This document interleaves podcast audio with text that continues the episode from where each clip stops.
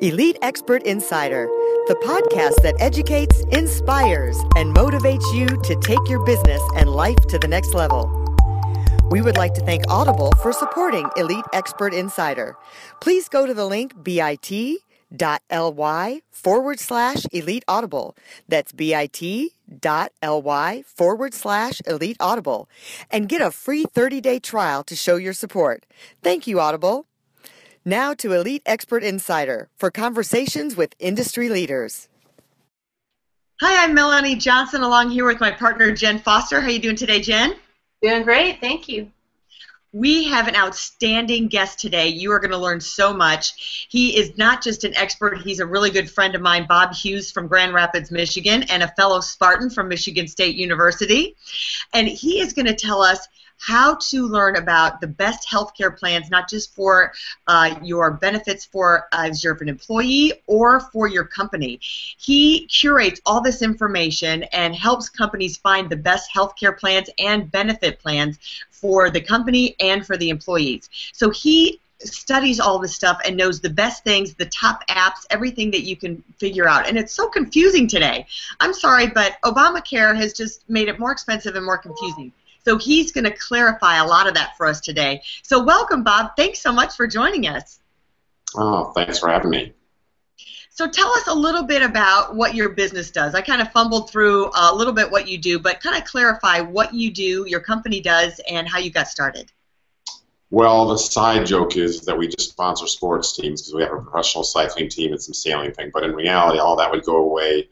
Um, we're an employee benefits firm, so we have the privilege of working with a lot of different employer organizations, everything from universities to manufacturing companies to banks to nursing homes to advising them on their employee benefit programs and helping those match their total compensation strategies and getting the most bang out of the benefit dollar because benefit costs keep escalating at an unfair rate. That is a big challenge these days with the cost escalating and trying to get the right benefits. So, what do you do? Run us kind of through when you meet with a company. Um, what do you do for a small business or medium sized business?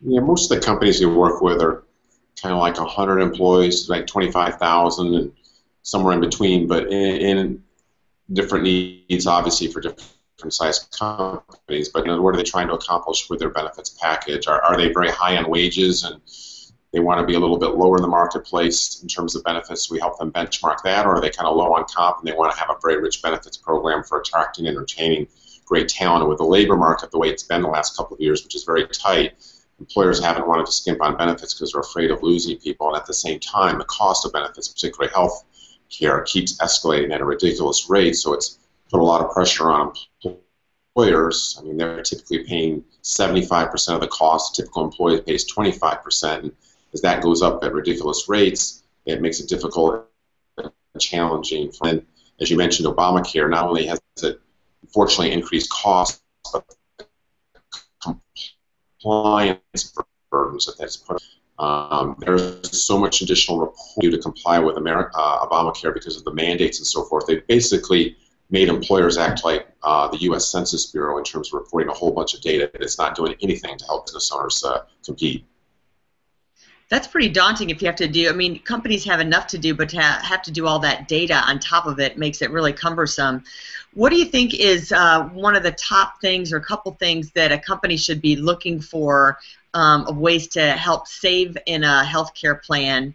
Um, you know, I, you had talked to me before about like there's an app that they can use. There's different things, not just even picking the plan, but on top of the plan. So, kind of go over what are something they should be looking in plans um, when they're comparing, and um, and then some of your secret weapons that you have that you use. Yeah, sure. I mean, healthcare costs, rising costs are a problem for everybody, depending on where you live in the country a family today is going to spend anywhere from uh, 15000 to 22000 on health insurance for a year. That's the crazy. That's crazy. Divide that by 12.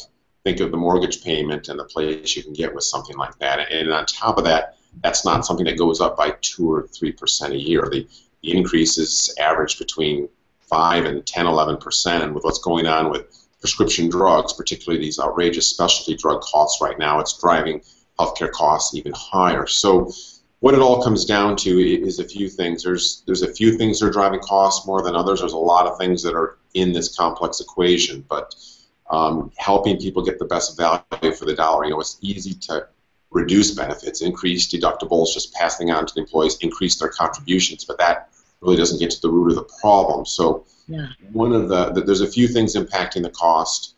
Um, one of the big things you have to remember is almost half the people in this country today are now covered by the government, as in Medicare and Medicaid. We've just expanded Medicaid for a lot of people as part of Obamacare, and the problem with that is it's helping people get coverage, but the government, particularly with Medicaid, underpays the hospitals and the doctors for the people they cover.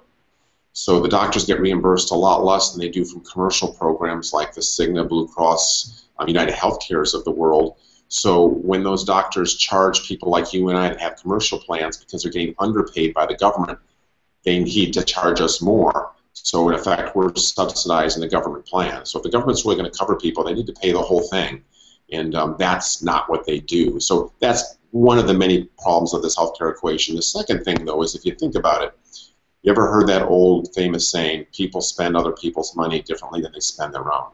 Yes. So think about healthcare for like the last 25 years since I started back in the day. That we rolled out these PPO and HMO programs, and basically what that was all about is we told everybody you go to these in-network providers. And in return for that we're going to give you these low copays 25 bucks to go see a doctor. I mean think about it. You could spend less to see a doctor than it was to get your hair done. Obviously not my hair because my haircuts are pretty cheap. But a $25 copay to see a doctor $25 copay to get a prescription drug and maybe a $100 deductible at a hospital incredibly low out-of-pocket payments for people to use healthcare to drive them to these in-network providers. Well, the theory was great. It would get people to go to these places where they negotiated discounts ahead of time, but the people using the healthcare, since you're paying so little, didn't care what things really cost, had no access access to what things cost. In over 25 years, the real cost was going up, and there was no consumer in check spending their own money because they were just paying these small copays to find out what was really going on, like that part of Wizard of Oz, pay no attention to the man behind the curtain. Well, what was going on behind the curtain was a bad thing. So um, the move in the last few years has been to try to reverse this. Well, I don't know what things cost. I don't care. A, there's not information out there. I mean, think about it, Melanie. When was the last time you were in your doctor's office and you saw all the prices on the yeah, never. They never show you that. My big awakening was um, I use an inhaler, and it used to cost me with my copay like twenty five bucks. And then um, I went there, and she said, "Well, I just want to let you know it's." Uh, 300 something was 350 i'm like what's 350 my inhaler was $350 that i was paying $35 for and now i had to pay the whole 350 it was very eye-opening yes and unfortunately, that's what needs to happen. But like, you do not see the prices at the doctor's office. At Walgreens, you don't see the drug prices on the wall. You see the prices for the chips and chocolate. And when you mm. drive by the hospital, you don't see signs on sale: babies delivery this week, five thousand dollars blanket included. So the shift has been to let's raise the deductible because the plans with the low copays and the low deductibles were getting incredibly expensive. And from a value standpoint, here's here's a big point. When we pull um, experience and look at actual utilization of plans for all of the people that have a $500 deductible, because $500 deductible sound great. The average deductible in the U.S. today for health plan is about thousand bucks. A $500 deductible used to be normal, but the people that have and pay for a $500 deductible, what do you think is the percentage of those that hit that on an annual basis? If you had to guess. I would think like 90%. What would you think, Jen? Yeah, high. Yeah. Yeah. More than 90. I mean, everything's so expensive. About 25%. Hmm. So low deductibles sound great, but are they worth it? If you're going to pay for that low deductible and only hit it one out of five, one out of four years, might it make more sense to raise the deductible to a point where we're not going to lose our house or our car if we have a big claim? Because insurance is designed to protect us from large, unexpected costs. Right when you think of the insurance we have now with those low copays, I mean, think of your auto insurance included tire rotation, new wipers, oil changes. Think how expensive it would be. That's the way we have it set up now. Now we raise the deductible. You take that premium savings that you would have paid for that $500 deductible that you only hit one out of four years, and you put that money into a health savings account where you get some triple tax benefits, where that money goes in pre-tax before federal, state, local, and FICA taxes, better than a 401k, and earns interest tax-free. Then if you have a claim before you hit your deductible, you use that money to pay for it tax-free, saving you 40% of the cost. And better yet, if you don't use that money at the end of the year because you didn't have big claims, it rolls over into the next year. It's always yours. And that money continues to build tax-free in your HSA, and you can use that money for dental, vision, LASIK surgery, a whole bunch of everything. You can't use it for two toupees, unfortunately. I've already looked into that. But um, that is the neat thing about raising the deductible and using the HSA. But what raising the deductible does is it brings the American consumer back into the game because if I'm paying for the first two or three thousand dollars of health care, like the experience Melanie mentioned, I want to know what things cost. And here's the dirty little secret. Depending on what pharmacy you walk into in town, three of the most popular drugs that people use, the price can vary by as much as 500 bucks. I can show you examples of a anxiety depression drug that's incredibly popular in terms of its usage. And here in town, you can buy it for five bucks, or three miles down the road, another pharmacy you can pay $100 for it. And that's not unique to Michigan, and that's not unique to any particular drug. Um, some of the most expensive pharmacies out there. Um, I'll let you figure that out, but a lot of times they start with a W and they have red brick buildings on almost every other corner. I, I can assure you they're not putting them up selling half gallons of milk. Right. So, um, shopping for drugs, and if somebody is motivated because now they're using that premium savings by taking the higher deductible to pay for that drug, they're going to shop for drugs just like they shop for plane tickets, gas, and groceries, and they won't overpay. I'll give you another example. Unfortunately, I have a little gift of cholesterol that I blame on my dad, and he tells me it's my ice cream addiction. But either way, I've had to take Lipitor for years, and I have a high deductible plan with an HSA, $3,000 deductible. I used to have to get Lipitor, it cost me 100 bucks a month. Midwest chain Meijer now offers Lipitor for free as a loss leader. They want me to come in, get my free Lipitor, walk out with two grocery carts full of $200 of stuff. So if you just pay attention and be a consumer and treat it like everything else, you can save yourself a lot of money on prescription drugs. There's great websites out there to help people. They're kind of like the gas buddies for drugs. Uh, medtipster.com is a great one. Can you spell that out? It's just med tipster.com. I probably can't spell it because I'm not that smart, but I'm sure you can. We can put Um, it up on the good. underneath. GoodRx, just good with the RX on the 8.com. And the state of Michigan and some other states have their own site. We have MichiganDrugPrices.com where you can put in your zip code and the drug you need. It will tell you who's charging what in town. And these apps, as Melanie mentioned earlier, are evolving all the time. Technology, there's a lot of entrepreneurs getting this consumer information out to people. Yeah. Well, I love how you talked about the health savings account because I think a lot of people, especially employees or you know people that are working in corporations, they are just taking whatever plan their employer's giving them, and if their employer isn't educated, then they don't know that they can ask for the high deductible plan. Yeah, you, you can't blame them because they have been down this path for so many years of these low co-pays, but they've also been on the path of costs going up and up and up every year. And when you see a high deductible plan, the first reaction is they see this high deductible, like, oh my gosh, the jaw hits the floor, this can't be good. But what they forget is the reduction in premium they're getting, taking that money, the tax benefits of combining it with an HSA, and when a, when a high deductible plan is designed properly, remember insurance is designed to protect us against large unexpected costs. If I have a bad claim year in a high deductible health plan, I'm going to have a lower out-of-pocket maximum than I in a traditional plan when you factor in how much I'm paying out of my paycheck for. Well, I So- have a question about the HSA because um, it seemed to me you could get an HSA only if you had an HSA policy. So if you don't have that, um, I was told that you can't have a savings plan. And nowadays, there's so few HSAs. I mean, because then that costs you more money. What um, little research I did when I was in the marketplace last year, if I wanted the HSA, there were very few of them, and not all of them were uh, covered by my doctors, used by my doctors. So can you still have a savings plan even if your insurance is not considered an HSA plan? Great question. For years, people have had the flexible spending accounts that you can have with any health plan, but the problem with those is you can put some money in pre-tax to pay for things, but they don't earn interest, and if you don't use it, you lose the money. The HSA is like the Lance Armstrong version of an FSA. It's like on steroids, where the money goes in pre-tax, earns interest tax-free. And if you don't use it, you lose it. But exactly to your point, Melanie, you can only have a health savings account if you're covered by a qualified high deductible health plan. You can't be covered by a secondary plan, a military plan, or Medicare that prevents you from having the tax breaks of an HSA. Now, currently, 25% of the U.S. is now covered by a qualified high deductible health plan, and it's growing. It will be the plan of choice driven by a lot of employers. Out of our clients that we work for, I would say 80% of them offer it, and probably close to 50% of the employees are in that type of a plan now, and that number is growing. What you're referencing is the individual marketplaces exchanges of Obamacare. A lot of those don't have good HSA options on them.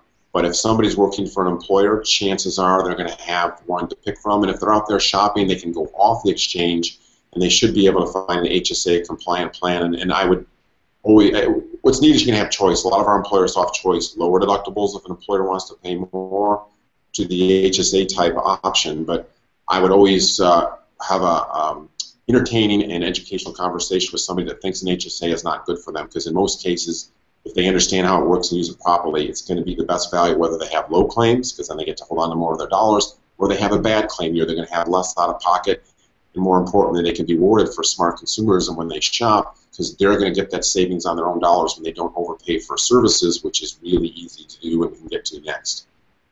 Yeah, that's that's smart advice. So to look for that with you are um, an employee to see if they have that option. As an individual, um, it was hard to find that. That was competitive. So, um, and then the other thing I wanted to ask you for the shopping of the drugs. So when they look for that, it's uh, it's not really time consuming to do that. And um, are there any other websites that you can think of that we should be looking out for? No, those are the ones for the drugs. Which gonna, it's a fluid situation, and you know you might love your pharmacist, but make sure they love you. You, you just want to ask, see what the prices are out there, see what they're charging a lot of times they'll match prices and pay attention to who's doing what on certain drugs, certain generics, certain specialty drugs can, can be very different in price depending on what store you and I walk into. But to kind of take that conversation farther, healthcare services are very much the same. So we've all been told to go to in-network providers now for 25 years. So I always assumed when I went to an in-network provider I was, if I went for an MRI, no matter what in-network provider I went to, I was going to pay the same thing. That's been negotiated and arranged ahead of time. Yeah. Not, Not close at all. Um, prices in-network, and whether you're in Houston, Texas, or Grand Rapids, Michigan, or San Francisco, the prices in-network for the exact same procedure can vary by as much as 400%, depending on what door you and I walk into. And again, when's the last time you were by a hospital and you saw prices out there advertising? Um, taking a little bit of a step back, and I'll go back to this though, a little bit of the drug perfect storm. So 30, 25 years ago, drug manufacturers could not advertise directly to you and I. They could only go through doctors, through trade journals. Um, Food Drug Administration allowed them to advertise direct to consumers years ago and has quickly become one, if not the biggest advertising category out there. Now, I asked you, when is the last time you saw a drug ad that mentioned price? Never, never. And um, and the other thing, I want you to walk us through uh, like a surgery, the different prices for surgeries. Yes. I'll do that in the whole drug thing. When you think about it, if you're bombarding people with ads, telling them about all these great drugs that are out there, unleashing a bunch of drug reps on doctors' offices, buying lunches and giving them tickets to things, and telling them to prescribe this drug, and the employee is only paying 25 bucks, no matter whether that drug costs 60 bucks or 200 drug drugs. It's a perfect recipe for drug prices to go through the roof. It's not a real world. It's not a free market. So drug companies are kind of famous for there'll be many drugs that treat the same condition, cholesterol, high blood pressure, etc. There'll be four or five existing drugs that get the same clinical results. A new one will come out. It doesn't get any better clinical results, but it has a fancy marketing campaign. They get doctors prescribing. It's way more expensive who ends up paying for it. If you only have a $25 copay, but the plan's paying $300 for that drug when the plan could be getting one for you for 100 what's going to happen to everybody's rates? What has been happening to everybody's rates for 20 years. So the drug thing has been going on, and, and that needs to change. Getting to other aspects of health, um, let's take it a step further. So let's say we go play some basketball and I don't know, maybe it's the Longhorns versus the Spartans because they have a great rivalry. It seems like they play every couple of years, two great programs. And I'm playing against one of the Longhorns now. I'm just an old guy that likes to play hoops occasionally, but one of the Longhorns is a little bit aggressive, and that would probably be more like a U- University of Michigan player that would probably trip me, and I hurt my ankle or I hurt my knee. So as mentioned before, I have a $3,000 deductible. But we have a great app that we put on employees' phones or their iPads, and this is how easy it works. So Healthcare Blue Book. When I hear the word Blue Book, what do I think of? Yeah, like cars. How do you buy cars and find the best price? Right, exactly. Best price, fair price. So transparency is this thing that's been going on for four or five years in healthcare, trying to help people understand what things really cost. It's hard. They first they haven't had incentive because they had low deductibles and low copays to know what things cost. They didn't care. They were paying a small amount. That's just how rates go up like crazy. And second, the information hasn't been out there. So some great entrepreneurs, our friends at Healthcare Blue Book, not only do they have a great name, because right away when you're trying to people know what that means, but this is how easy it is. So I'm going to go right here to X-ray imaging, and I have this right on my phone. Have you, have you like tilted a little bit so I don't get the glare on it? Just tilt it. There you go. Is that good? Yep. So I went right to MRI. It's that easy. And I am going to go to I'm not going to go to a brain MRI because I know that would probably find rocks. But I'm going to go to a knee MRI right here and tell me if you can see this. It'll Shazam here in a second. There you go. So if you can, like tilt, I guess maybe pull it back a little bit. Okay, talk to me now. Okay, so you'll see here at the top, this is in-network providers in town, and this works no matter where you are. You put the zip code in where you're at that I could get an MRI for $609 in town or $2,500, depending on what door I walked into. So I have a $3,000 deductible. Where do I want to go? It's pretty obvious, right? So how do I find out? I scroll down. There's the green, the Spartans, the good places. And I scroll down farther red, you see the Buckeyes, the bad ones that are overcharging. Sorry for the editorial, but that's how easy it is, and that's the kind of information that's out there. But if you think about this, let's say you have an employer with 200 employees or 2,000 employees. If everybody's going over here to the red providers for their $2,500 MRIs, what's going to happen to the rates next year? They're going to go way up. Yeah, and if you have a high deductible, so whether you're in a low deductible plan or a high deductible plan, there's a lot of motivation once employees understand that not to go over here. And when healthcare starts acting like a free market, you get better prices. Now, some people will say it. Bob, I don't want to go to the low-cost provider. This is healthcare. These are all in-network providers, the ones that you and I are already using. Hmm. And lower cost, there's more studies that show higher quality with lower cost. The higher charging providers are ones that typically don't do that procedure as often. They have more complications and higher costs. Or there's a referral pattern going on. So I'll give you an example. I recently had a special birthday that qualified me for an exciting new preventative care procedure, if anybody knows what I'm talking about. Yeah. yeah. So my primary care doc, I've had him for a long time, McCormick, he's a great guy. He said with a chuckle, Bob, I'm going to sign you up for your first colonoscopy. I'm like, oh, great. So he goes, I'm going to sign you up for a colonoscopy with Dr. Puff. I said, Dr. Puff, colonoscopy? I, I had to laugh. And anyways, I pulled out my Healthcare Blue Book app in front of them, and I looked up colonoscopies. And the cost in town in network was anywhere from $1,100 to 3,900. Wow, Puff, that's Puff a big range. Puff was coming in at 3,300. So I looked at McCormick. I said, "Why are you sending me to him? Is he going to throw in a toupee, or what else is included?" And he had this blank stare. And, and basically he goes, "Hey, where did you get that information?" physicians are not aware of the price difference. Second, I didn't know there was a price difference. And third, I've just been sending people where I've been told by my hospital system for years. Wow. That's how that stuff happens. And more importantly, here's what you and I can do about it now. There's information out there, and if we use it, you can quit from overpaying, take the high deductible, get higher quality, get lower cost. These kinds of examples work. Ear tubes for kids, I was doing meetings in Denver a couple months ago. In network could vary from two thousand to twelve thousand dollars for ear tubes. Wow. Um, yeah, there's a whole bunch of other examples. Sleep studies, you'll see a five thousand dollar variance. CAT scans, MRIs, surgeries, all types of things. So a better informed consumer is always better in every instance. And now we just have to start using the information and asking more questions and not overpaying. Yeah. Well, let me ask you this. So um, have you ever heard of healthcare memberships? So I, I was at a CEO um, CEO builders meeting here in Utah, and there's a doctor here who has opened nine urgent cares, and he has what's called a healthcare membership, where you pay so much per month depending on your family or individual, and he's selling it or, or sharing it with other employers and to buy for their employees. So he's suggesting the same thing you are, which is buy a high deductible health savings account and then subsidize it with this health membership.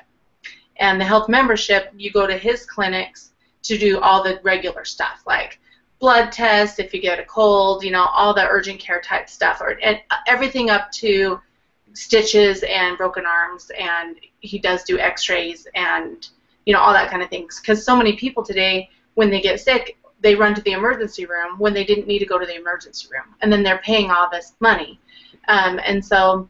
Anyway, it, it seemed really interesting to me. Um, his name is Dr. Rashat Vakathon. I don't know if I said that right, but have you heard of this type of thing? No, you hit on a whole bunch of key topics there. So concierge yeah. health care, and it's kind of like a trip back to the old days where you had the town doctor that would make some house yeah. calls. So yes, take the high deductible health plan. You're going to pay for your doctor's office visits, and in a typical office visit, um, when you go to see a doctor in network is going to charge about $120. Then after the discount is applied from your health plan, it might be 90. But there are some doctors out there that have set up arrangements like you. You pay a flat fee, and your family can come in for basic services anytime they want. They don't have to stand in line. We're there for them. There's no charge for it. You're paying this fee. It's almost kind of like a country club situation. And it supplements the other plan when they have a personal relationship. So those types of things have been um, popping up out there and, and, and are great. And um, they complement the other plans well for people that want to do something like that. Um, but you hit on another thing, the emergency room, and another way as consumers we're going to be able to benefit going forward as a result of technology. Because normally in healthcare, new technology is like solutions and cures, but it also usually has a high sticker price. Well, here is technology actually reducing costs. So you're going to hear a lot more, and you're starting to hear about it now, telemedicine. Mm-hmm. Telemedicine. Think about it. When do we get sick between 8 and 5 all the time? Or if you have kids, it's after hours or on the weekend. Somebody just needs a prescription or they have a rash. What if you could just FaceTime your doctor talk on the phone with a doctor and get a prescription made or find out if I need to take them in 24 7 without having to get out of work, try to get an appointment, drag kids around town or your own self. Telemedicine allows you to do that now right on your phone. You'll be able to talk to a doctor, get diagnosed. If they can't treat you, they're going to tell you you have to go in the hospital and so forth. But to get back, Jen, to your emergency room uh, example, so emergency room is definitely overused by a lot of people. The typical emergency room visit um, costs about $1,600 for somebody that goes in and is admitted and treated if it was an emergency room visit when someone was misusing it and it could have been done on by telemedicine, which there's certain things obviously broken legs can't be done by telemedicine, heart attacks, but you get the point. Yeah. If it was an emergency room visit that could have been by telemedicine, the cost I'm rounding off here would have been about thirteen hundred dollars. If they would have just done that same visit on telemedicine 24/7, the total cost would have been 49 bucks. Right. I got to tell you, I'm a firm believer in the telemedicine. The, the program that I have is um, called Christian MediShare, which is probably like a, I don't know, it's like, it's not necessarily traditional, it's not considered insurance, but it's a group program. And they started the telemedicine, and I tried it out. I had uh, kind of flu like symptoms, and I knew what I needed, what the doctor normally prescribes for me. They did the call, it was right away. They called me back within five minutes after I put up my little uh, inquiry on there. And uh, within minutes, I had my uh, prescription. And it was awesome. I didn't have to go anywhere. I didn't have to wait for anything, wait in the office for the doctor to see me and be with a bunch of other sicker people than me. It was wonderful. People will be using telemedicine like they use YouTube in a few years, for sure, in a couple of years. And so I wanted to ask you, um, kind of moving forward, the I think what's also driving healthcare are the baby boomers. I mean, we have this huge sect of population. 76 million baby boomers are left on this planet. Um, they're getting sick and old and dying at a, an exorbitant rate. And over the next 30 years is kind of the clump as this whole group moves down the line to get older. And um, so, how do you think the future of healthcare is looking? What do you project for the next uh, five years, one year of what's going to happen in this marketplace? I there's kind of two answers to a very good point that you're bringing up, and kind of what can you do about it, and what's going to happen. What's going to happen is there's going to be a lot more joint replacements, a lot more cardiac surgery, um, a lot more hospitalizations because you're right, this group is coming through. But unfortunately, what's driving it, a lot of people don't like to talk about it. Employers have tried to address it. through wellness programs is the impact of obesity on our society. Obesity has overtaken smoking as the number one cause of unnecessary medical claims. And there's depends on who you talk to and what journal you read, but they'll say between 50 and 70 percent of medical claims are related to lifestyle choices. So let's just take the low one, 50 percent of it.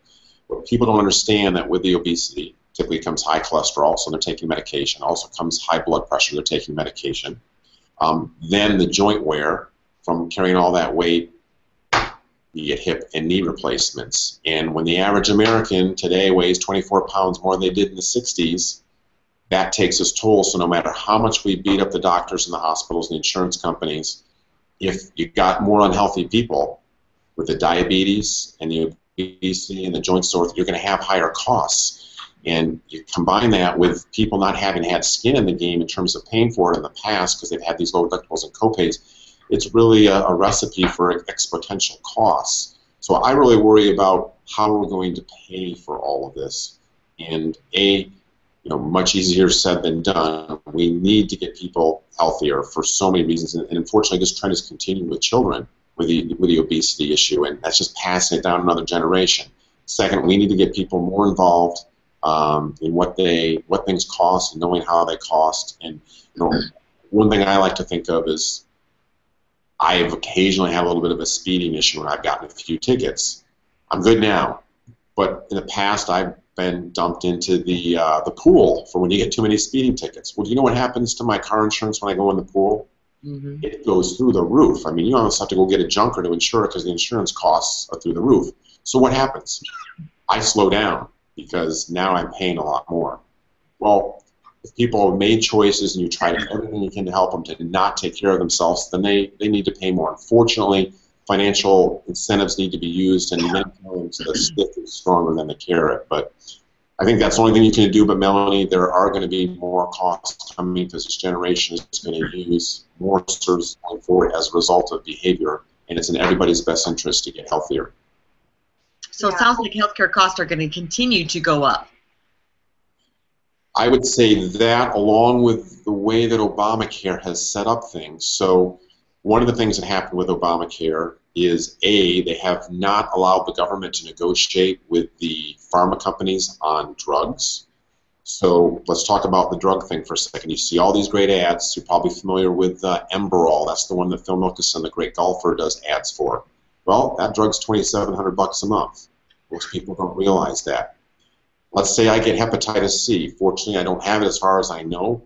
But if I do, there's a drugs out there now that treat it. And if I've got it, I definitely want to take these drugs. Well, the drug to treat hepatitis C, you see it advertised all the time, is $1,000 a day for 83 days. Wow. So I'm an employer and I'm paying for that now. These new drugs that have come out and are outrageously expensive. I'm relating this to healthcare reform is that as a result of Obamacare, government's not allowed to negotiate with the drug companies over the prices, and the drug companies are charging as much as they can because they can. As an employer, if I cut that drug off from people that need it, I might save 80 grand, but I'm going to end up paying for a $250,000 liver transplant. So the pharmacy, pharmacists, pharma companies are playing the game a little bit right there, um, and that's what's going on with the specialty drugs. But in going back to your earlier question with healthcare reform, people now can buy health insurance with no pre-existing conditions. That's what happened with healthcare. So if you think about that, insurance was never designed to cover things that happened before you bought the policy. I mean, think about it. If I could buy auto insurance after I crashed my car, why would I buy it now? So with healthcare reform, people can now sign up for healthcare, get their prior stuff taken care of, and that's great for them. But here's the problem. Too many of the people are signing up for it to get fixed, and then guess what? They drop it. Mm-hmm. The utilization of the new people going in is four to five hundred percent higher than normal first-time enrollees, and then nine months later, a lot of them are dropping it because the penalty to not have insurance is dramatically lower than the cost of the insurance. That's the way Obamacare has set up, so people game the system. And why wouldn't they? They've been encouraged to do so. So yeah. these are other things that are driving costs that you and I and the rest of us are all paying for. So that's not a lot to look forward to in the healthcare industry. Uh, we all have to try and earn more money just to cover the bills for the medical. I mean, well, I think, I think the big thing that um, you touched on with the obesity issue is we all need to take responsibility for ourselves and for you know our immediate families to do something like exercise more, eat more healthy, you know, eat more more um, fruits and vegetables and that sort of thing, and solve that obesity issue, and you know that kind of thing. I think we can all take responsibility definitely to be more active and eat healthier. Hundred percent. You know, people don't like their employers to tell them to do things. They're trying to help. They're trying to help people being healthier. They're giving them money to be healthier. You think that that's all good, but you know, America to me used to be the land of individual, you know, rugged individualism, personal responsibility. And I think we've gotten away from that. If we all just accepted a little bit more personal responsibility, um, I think instead of this victim mentality, it would be better for everything. Yes. Well, just to recap, I think um, great tips that we should look for plans that have an HSA for the savings plan that we can put the money and save it tax free and use that. And um, to go shopping for your drugs and use the um, the Medi Tipster and the Goodwish RX and look for different things even in your local state or city to shop for your drugs to try and get it for a lesser cost. And just be aware of all the costs going in and stay in shape. Be responsible for your own fitness and your own health. I think those are great tips. And just to add to that, you can go to the public site. We have this custom app for our clients, but Healthcare Blue Book, it's a public site. You can go in and put your zip code and what procedure it is that you need, and it will tell you anywhere in the U.S. what the fair price in that town should be for that. And then you can call up where you're going and uh, check it out. A lot of health plans will have some cost estimators on there, but Healthcare Blue Book um, is a great one. So um, those are all things to do and just be a more active consumer, and it's going to be better in the end for everyone. Terrific. Thanks a lot, Bob, for joining us. And I want to say that you are a great example for everyone because you take your fitness seriously. Uh, he mentioned kind of slid it in there a little bit, but Bob is an avid uh, bicyclist and he competes and he has a sailboat racing team as well. So he is really a fitness advocate and he lives what he preaches, and not everybody does that. So I really admire that. awesome. Thanks for joining us today, and we will see you next time. Bye. Bye bye. For more information about us, go to eliteonlinepublishing.com. To get your free book, The Accomplishment and Success Story Starter, simply text your name and email to 832 572 5285. That's 832 572 5285. We'd also like to thank Audible for supporting Elite Expert Insider. To get your free 30-day trial, please go to bit.ly forward slash Elite Audible. That's bit.ly forward slash Elite Audible and get your free 30-day trial to show your support. Thank you, Audible.